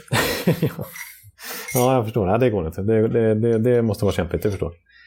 Ja. Men vad var vi? Vi, vi var på Ja, vi var på Nylander. Eh, Ja. ja. jag kan bara, nej, men det, vi får hoppas, nu tror jag att han inleder i AHL där också, men, men eh, Patrik Alvin är ju där i Pittsburgh. Han kanske har varit med, nu tror jag inte han har någon svensk bias överhuvudtaget visserligen då, men, eh, Nej. men de brukar ju lyckas med sina, vi har ju pratat om det, hur många sådana här journeyman helt plötsligt kommer till Pittsburgh och får igång karriären igen lite grann i alla fall igen sen. Så att, eh, men vem vet? Alexander Mm. Nylander. Ny, ny miljö behövde han i alla fall. Apropå Alvin som du nämnde där så eh, eh, är det ju fortfarande några klubbar som jagar general manager. Så han är ett hett namn, Alvin. Ja, precis. Alltså, eh, I The Province, då, lokaltidningen i, i Vancouver, så nämndes han, nämndes han häromdagen som huvudkandidaten, den ledande kandidaten till GM-jobbet i Canucks. Det skulle ju vara eh, otroligt roligt för hans del och lite eh, ja, coolt för Sverige. Ha Ja. en general manager. Precis, första svenska i så fall. På den, eller ja, han, han blev väl det kan man säga i Pittsburgh i och med att han var interim i några veckor där innan Hextall kom. Ja, när just Rutherford lämnade. Men det är ju Rutherford som har en väldigt stark relation till Alvin under alla år Ja. i Pittsburgh. Och, Ja, och, och, och eh, befordrade honom då till assister, sin assisterande GM där. Och nu sägs det då att, att han vill inte ha någon rutinerad GM under sig eh, i Vancouver. Utan att han vill ha en, eh, det ska vara en första gångs GM som man säger. Eh, någon Som man kan forma. som han kan forma, som han kan vara mentor åt. Liksom. Ja. Eh, och, eh, då, då, och så sägs det då att han hade ju 40 namn på sin lista i början, men att han ska vara nere på ungefär fem namn nu och att Alvin ska vara kvar bland de fem. Så han är onekligen aktuell och det ska liksom börja göras nu riktiga intervjuer, eh, kanske in person, inte bara liksom via Skype eller så. Eh, Ja, det vore kul. Ja, precis. Och jag menar, det är inte första gången i så fall Rutherford, någon Rutherford-adept blir general manager sen. För att han gillar ju den. Alltså Bill Guerin till exempel i Minnesota. Jason Botterill som var i Buffalo nu i Seattle. Eh, Tom Fitzgerald är ju tidigare i Pittsburgh under Rutherford nu i New Jersey. Och Alvin då kanske. Mm. Ja, det, det känns mer och mer troligt måste jag säga. Ja, det, jag, jag håller en tumme för det. Det vore jävligt kul. Mm. En trevlig, det är en trevlig figur också, det borde Alvin. Ja, och han är, han är, han är smart tror jag. Han har liksom koll, väldigt bra koll på CBA och eh, lönetaksregler hit och dit. Och kryphål tror jag faktiskt också. Sådär. Han, är, en, han kalkylerar väl, måste jag säga.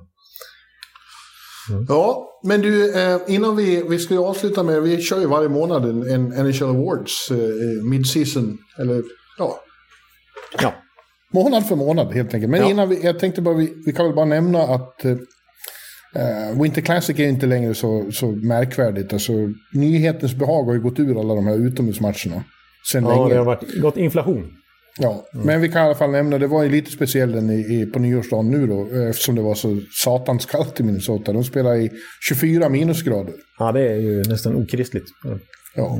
Ah, det var inte så kallt, sa Oskar Sundqvist när jag ringde. Det var inte som hemma i Boden. Okej, ja, ju- vissa klarar av sånt här tydligen. Ja. Ja, och, och en Ekeliv-favorit verkade ju trivas där, han eh, Kiro. Jordan hur? Cairo, ja. Cairo. Mm. Han var ju bäst på plan och gjorde två mål. Eh, Där, där har St. Louis verkligen fått fram något. Ja, precis. Och jag tycker, de har slar... jag tycker han hade kunnat få det här genombrottet tidigare. För att han de har verkligen liksom inte gett han en ordentlig chans på flera år. Trots att han har öst in poäng i AHL och trots att man sett de senaste säsongerna att han har varit en av de högst producerande spelarna sett till speltid. Och även den här säsongen så, men han får mycket större förtroende nu, men det är fortfarande liksom inte första kedjeminuter. Och ändå liksom är han ju point per game, över point per game. Liksom. Alltså Ja. ge honom 20 minuter per match. Visst, de kanske coacher inte fortfarande riktigt litar på honom i alla zoner och sådär. Men, men om man rent ser till offensiv produktion så skulle kunna... Alltså då skulle liksom Jordan Carey kunna... det- Då skulle det inte vara någon skräll att han gör massa poäng i Winter Classic och blir hjälte där. Utan då skulle det vara en av de här stora spelarna. Tror jag. Eh, man Mm. pratar om. Så att, eh, där har de verkligen ett, ett gem, St. Louis. Oj, oj, oj. Nu när vi kommer in på det här med, med våra awards så kan jag tala om för dig att det kom just ett uttalande från Bruce Cassidy som garanterar honom Jack Adams. Alltså? Han säger “We've got to get you media guys back in the room”. Oj, oj, oj. Ja, då, då vet jag att du kommer rösta på honom i alla fall. Tyvärr får inte vi rösta på, Ja, på det. Jack Adams. Det är radiomänniskor, nej tv-människor. Det är tv-människorna som röstar. Ja. Men ändå, snacka om eh, att göra sig populär i media. ja, det är lite smörande. Ja, det finns en baktanke. Tack Bruce, tack. Vi, vi, vi vill. Underbart, underbart citat. Ja, ja det, är- det, är ett, det är ett pris vi ska gå igenom. Men vi brukar ju börja med eh, det absolut tyngsta. Ja, och det är Hart Trophy. Ja, så vi, vi börjar väl där igen. Och då slänger jag åt dig ett namn direkt. Ja. Austin Matthews.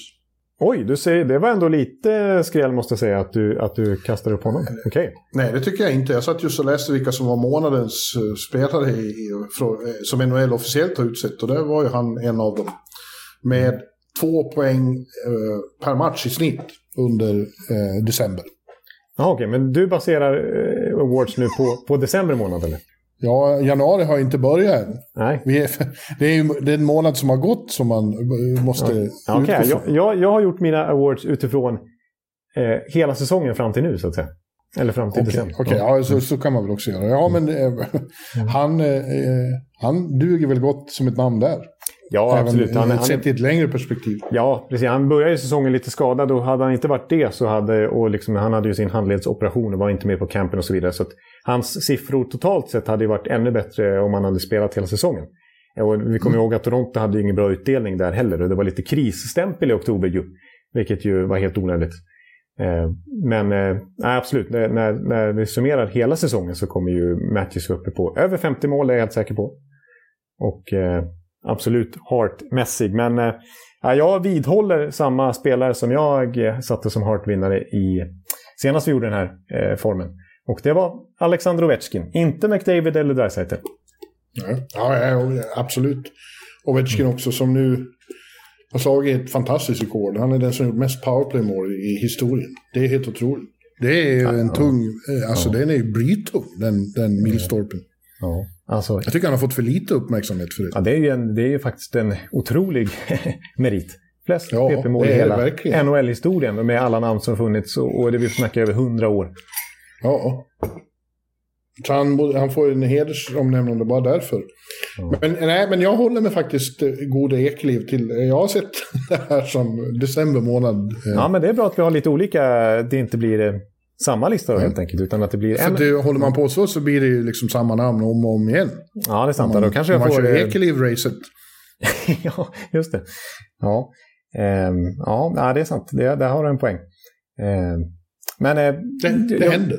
ap- apropå, apropå Ovechkin så vill jag bara säga då, apropå det här med powerplay-rekordet, så tänkte jag skjuta in då att eh, han eh, har inte gjort så jättemycket powerplay-mål den här säsongen och PP-poäng överhuvudtaget, utan av hans 50 poäng totalt, vilket ju är en imponerande summa, han är bara tre bakom McDavid och Dreisaitl där, så har bara 11 kommit i powerplay och det är hans lägsta liksom, procentuella antal PP-poäng under en säsong i hela karriären.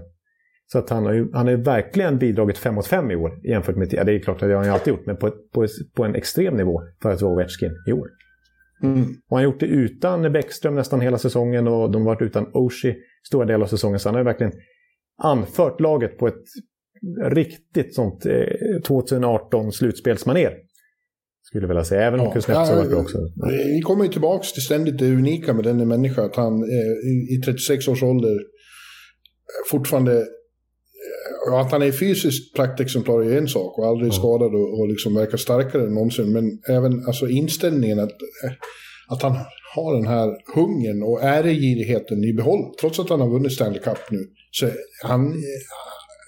Det slår ju gnistor om honom hela tiden. Han vill så otroligt gärna göra mål och vinna och vara med på och slå rekord och så.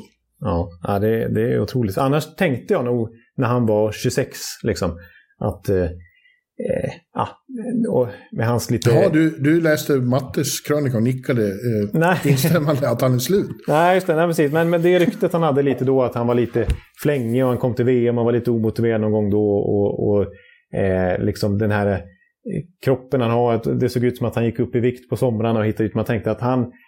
Nej, nej liksom han kommer ju... Det kommer, han, nej, det, han kommer bli en sån där spelare som trappar av när han är 33. Som många andra gör. Med hans spelstil. Men eh, tvärtom så är han ju liksom ännu bättre nästan nu än vad han var för tio år sedan. Han är nog nästan det faktiskt. Ja, eh, eh, absolut. Det är ju sjukt alltså. Ja. Ja, ja du, eh, vi går vidare nu. Vi kan inte sitta och prata hela dagen. Nej, det går inte. Nej, det är sant. Eh, Vad har du på Norris då? Jaha, Norris. Vessina. Ja, vi tar Vessina först. Det, Du bestämmer. Okej. Jag följer dans. Ja, eh, Ekeliv-racet här.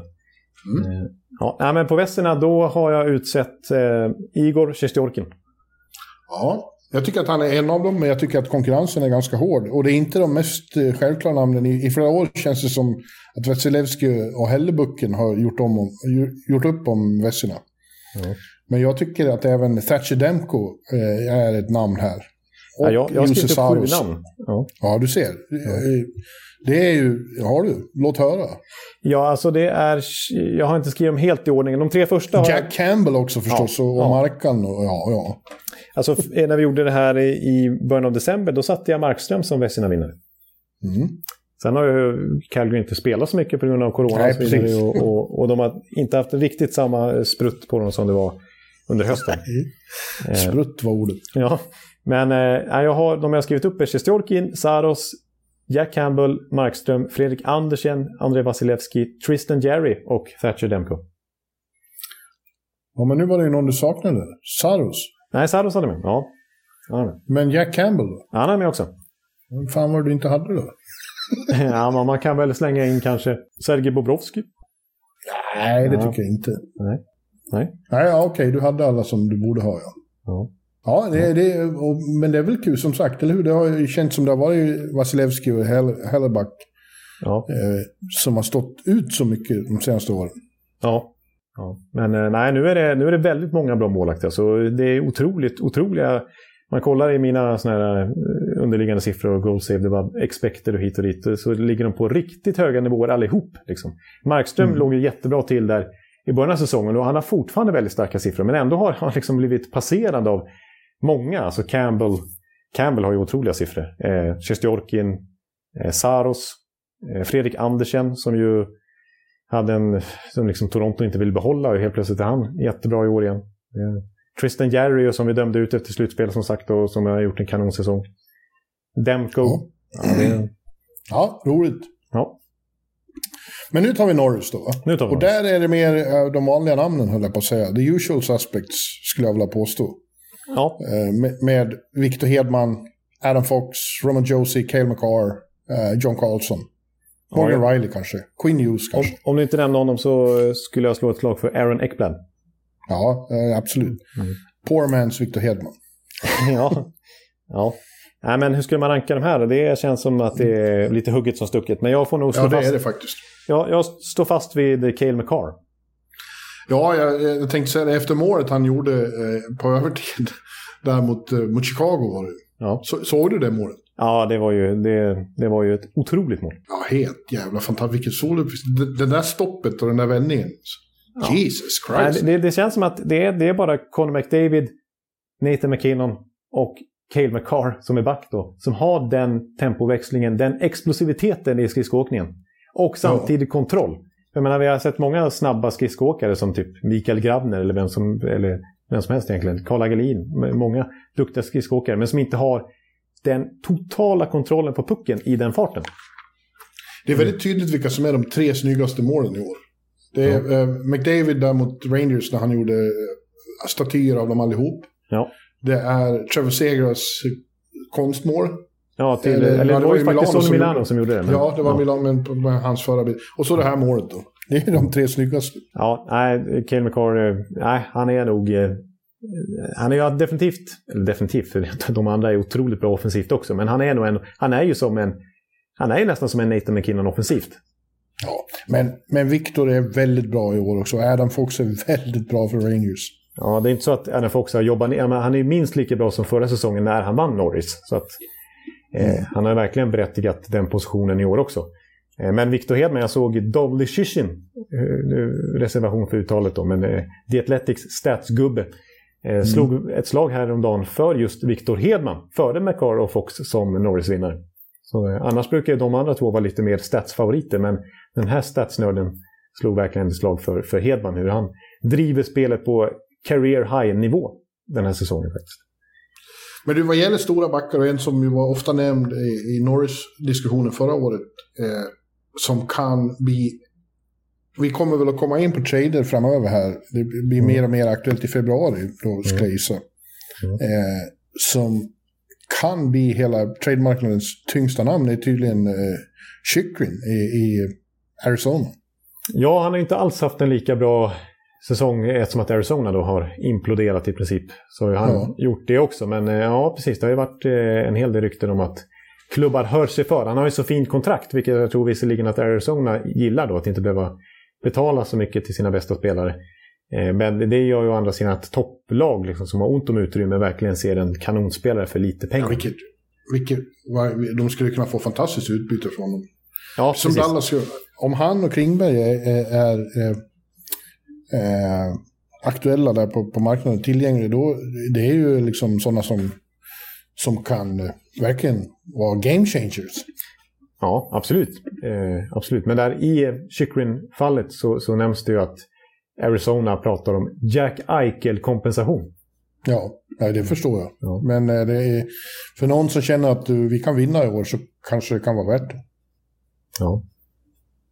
Ja, ja, vi går vidare. Har du eh, Calder? Eh, ja, precis. Eh, ah, där tror jag nu att, eh, jag menar, ja, för några månader sedan så känns det givet att, att Raymond skulle vinna det här. För att han stack ju iväg i rookie-poängligan rejält under hösten. Och han, Hans försprång från, från den fina starten gör att han fortfarande leder, leder rookiernas poängliga. Men eh, Trevor Seagrave börjar komma nu. Ser man det från december som jag gör då, så är det Segers rätt så given nu. Ja. Ja, han, är ju, han har ju varit kanon här i sista delen av säsongen och inte minst i december. Men även eh, Moritz Seider, eh, den andra Detroit-rookien, eh, alltså, som ju är back. Ja. Men jag imponeras ofta mer av backar som är rookies och gör så bra ifrån sig.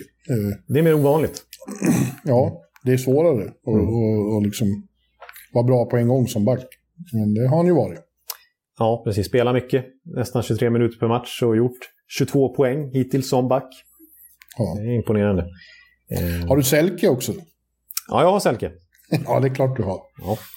Eh, jag måste bara säga en sak om, om, Raymond där, eh, som inte är lika positivt som jag har pratat om, om honom tidigare. För att jag, jag, ja, han hade ju så fin, dels så gjorde han så mycket poäng i början, men det var så fina liksom, speldrivande siffror och sådär också som tydde på att det här kommer nog kunna hålla i sig. Den där kedjan var ju så bra med, med Bertuzzi och, och Larkin. Och den är fortfarande bra. Han har ju fortfarande gjort en del poäng och framförallt assist. Jag tror inte han har gjort ett mål på en månad nu.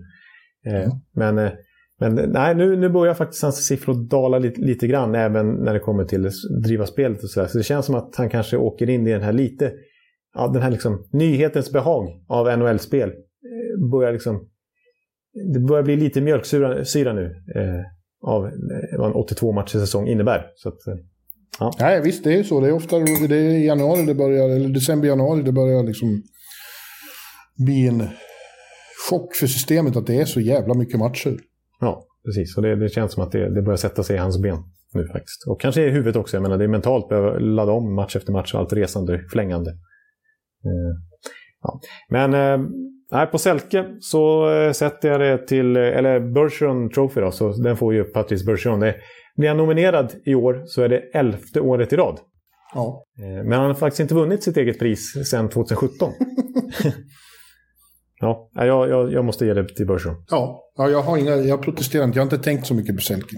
Eh, Nej, nej, men det, det sjuka med börsen den här säsongen är att jag ska inte gå för mycket in på alla mina olika kategorier för det blir tycker vissa är för jobbigt att, lyssna på. Men jag kan i alla fall säga så här att med, tanke på hur bra börsen har varit i, liksom när det kommer till att minimera antal mål och, och, och styra spelet när han är inne på isen så, så har ju han alltid haft kanonsiffror i ett decennium drygt. Men han har carrier high, alltså sin topp någonsin i många kategorier i år. Och det är ju helt otroligt. Eh, och jag menar då ska han, om no, någon gång få eh, det här priset, Bergeron Trophy, då är det väl i år. Så att eh, han är given. Men sen är det många som lyfter fram faktiskt Elias Lindholm som en stark utmanare. ja. Du gillar din Selke du. Ja, ja. Nej, men, eh, eh Lind, det är kul att det skrivs många artiklar om, Lindholm också. Vi har ju pratat om honom många gånger i defensiva sammanhang. Han är ju den, en av de forwards som spelar överlägset mest i, i boxplay till exempel. Och, och i, i 5 mot 5-spel så flyttas ju alltid spelet fram när han är på isen. Han är ju grym defensivt och på att möta motståndarens bästa spelare och sådär. Och ändå styra spelet. Så att han är otroligt, eh, otroligt tvåvägscenter, Elias Lindholm. Ja. Eh, då har vi eh, Jack Adams kvar då. Ja, Eller har du general manager också? Nej, jag har tagit ut general manager också. Ah, fan! Det är ju svårt att göra under säsongen. Ja, jag vet. Jag vet. Det, det känns som ett pris man måste dela ut efter säsongen egentligen. Så jag, jag kan faktiskt hoppa det för att det känns lite eh, svajigt. Men eh, coach kan vi ju utse i alla fall. ja. Och då, Och där finns det flera alternativ. Men jag Ja. har ju en. ja, vem säger du då? Bruce Boudreau, man. Om man ser det till december så är det ingen diskussion. Han kommer in Ja, och, just det. Och, och, och vänder upp och ner på en hel organisation. Uh, och, och, och vänder katastrof till triumf. Ja, om, om man ska bedöma i december då är det inget snack om saken. Nej, det är klart att Nej. det är Bruce Boudreau. Eh, Jag trodde du skulle Ja. säga Bruce Cassidy nu efter hans eh, ord här. Ja, han ligger bra till efter den. Men, men sen är det ju även, jag vet att du tänker Sullivan nu då, men eh, Sullivan, Galant eh, ligger också bra till. Ja. Ja. Och, Och Heinz, och Heinz, och Heinz. Och Heinz, absolut. Nej, för min lista är som sagt det här i Ekeliv eh, Awards. Så är det bedömt av hela säsongen hittills. Så då har jag skrivit upp sju namn. Eh, och då är det just Sullivan, det är... Eh, jag har skrivit Heinz, jag har skrivit Galant, jag har skrivit Rod Brindamore igen. Jag menar, han är fortfarande otroligt bra. Jag menar, Carolina har faktiskt bästa poängsnittet av alla lag med färre matcher spelade. Jo. Eh, Dallas Eakins har jag skrivit upp. Och en, eh, ja, den nu får ni bua och du kommer bua här, men den, eh, ja du vet vem jag ska säga nu då. Som jag tycker kanske ska få priset för första gången i karriären. John Cooper, vad ska han göra för att få en Jack Adams? Nej men... Det, ja, men han ska inte få det i år när andra är så mycket...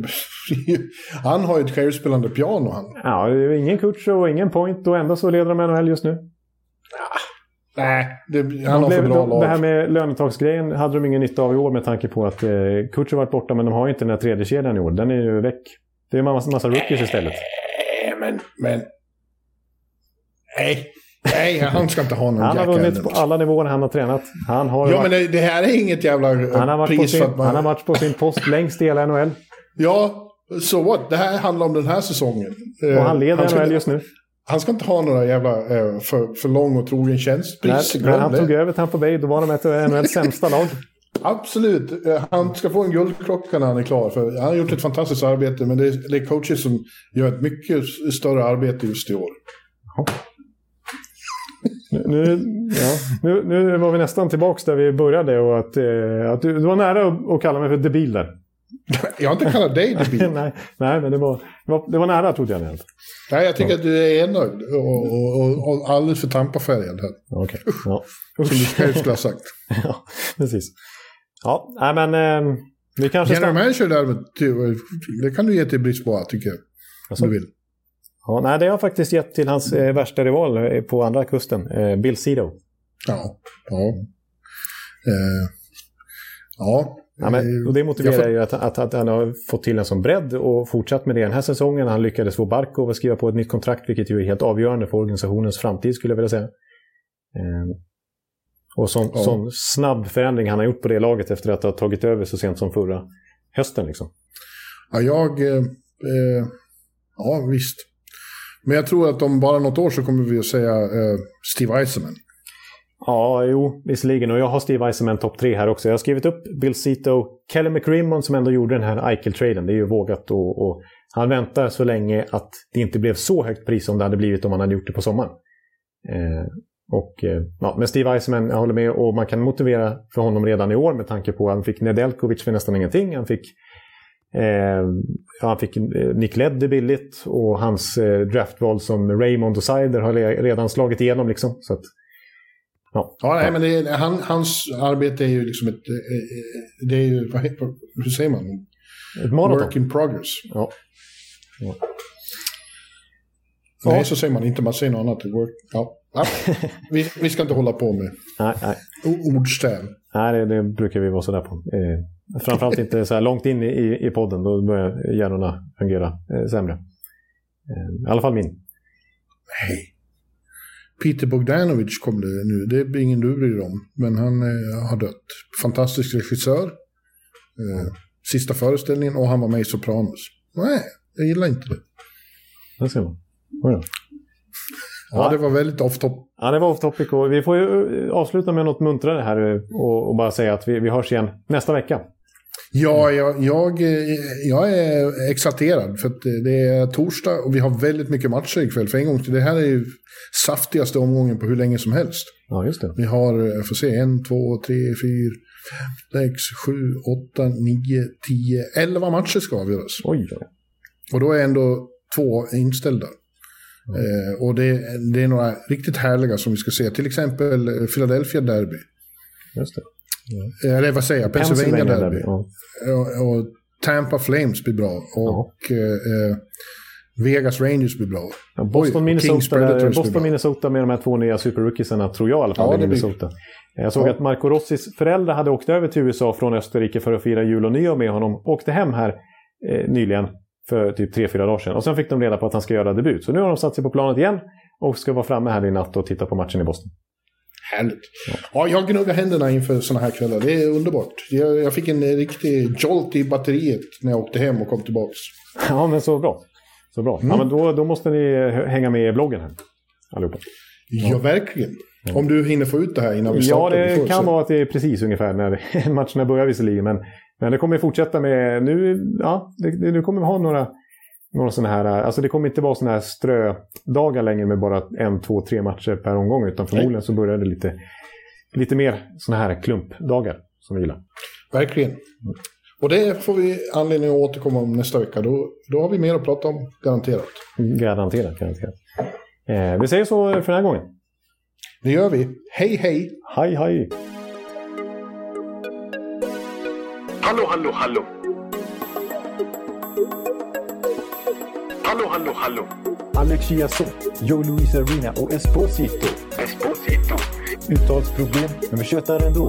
Och alla kan vara lugna, inspelningsknappen är på. Bjuder Hanna Kohl, han är grym i sin roll. Från Kållesoffan har han fullständig kontroll på det som händer och sker. Det blir ju allt fler som rattar in hans blogg. Och lyssna på hans podd. One, two, time, speed, so Hallå, hallå, hallå.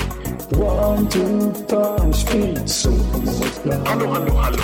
Ekeliv, som är ung och har driv. Verkar stor och stark och känns allmänt massiv. Han hejar på Tampa och älskar Hedman. Sjunger som Sinatra. Ja, och där ser man. Nu är det dags för refräng. Dags för magi, Victor Norén. Du är ett geni. Så stand up at home and remove your hats. Höj volym, för nu är det plats. One, two, time, speed, so Hallå, hallå, hallå. One, two, time, speed, so Hallå, hallå, hallå. One, two, time, speed, so Hallå, hallå, hallå. One, two, time, speed, so Hallå, hallå, hallå. Det er utroligt længe siden mor, der samtidig trods har råd. Hallå, hallå, hallå. Det er utroligt længe siden mor, der samtidig trods har råd.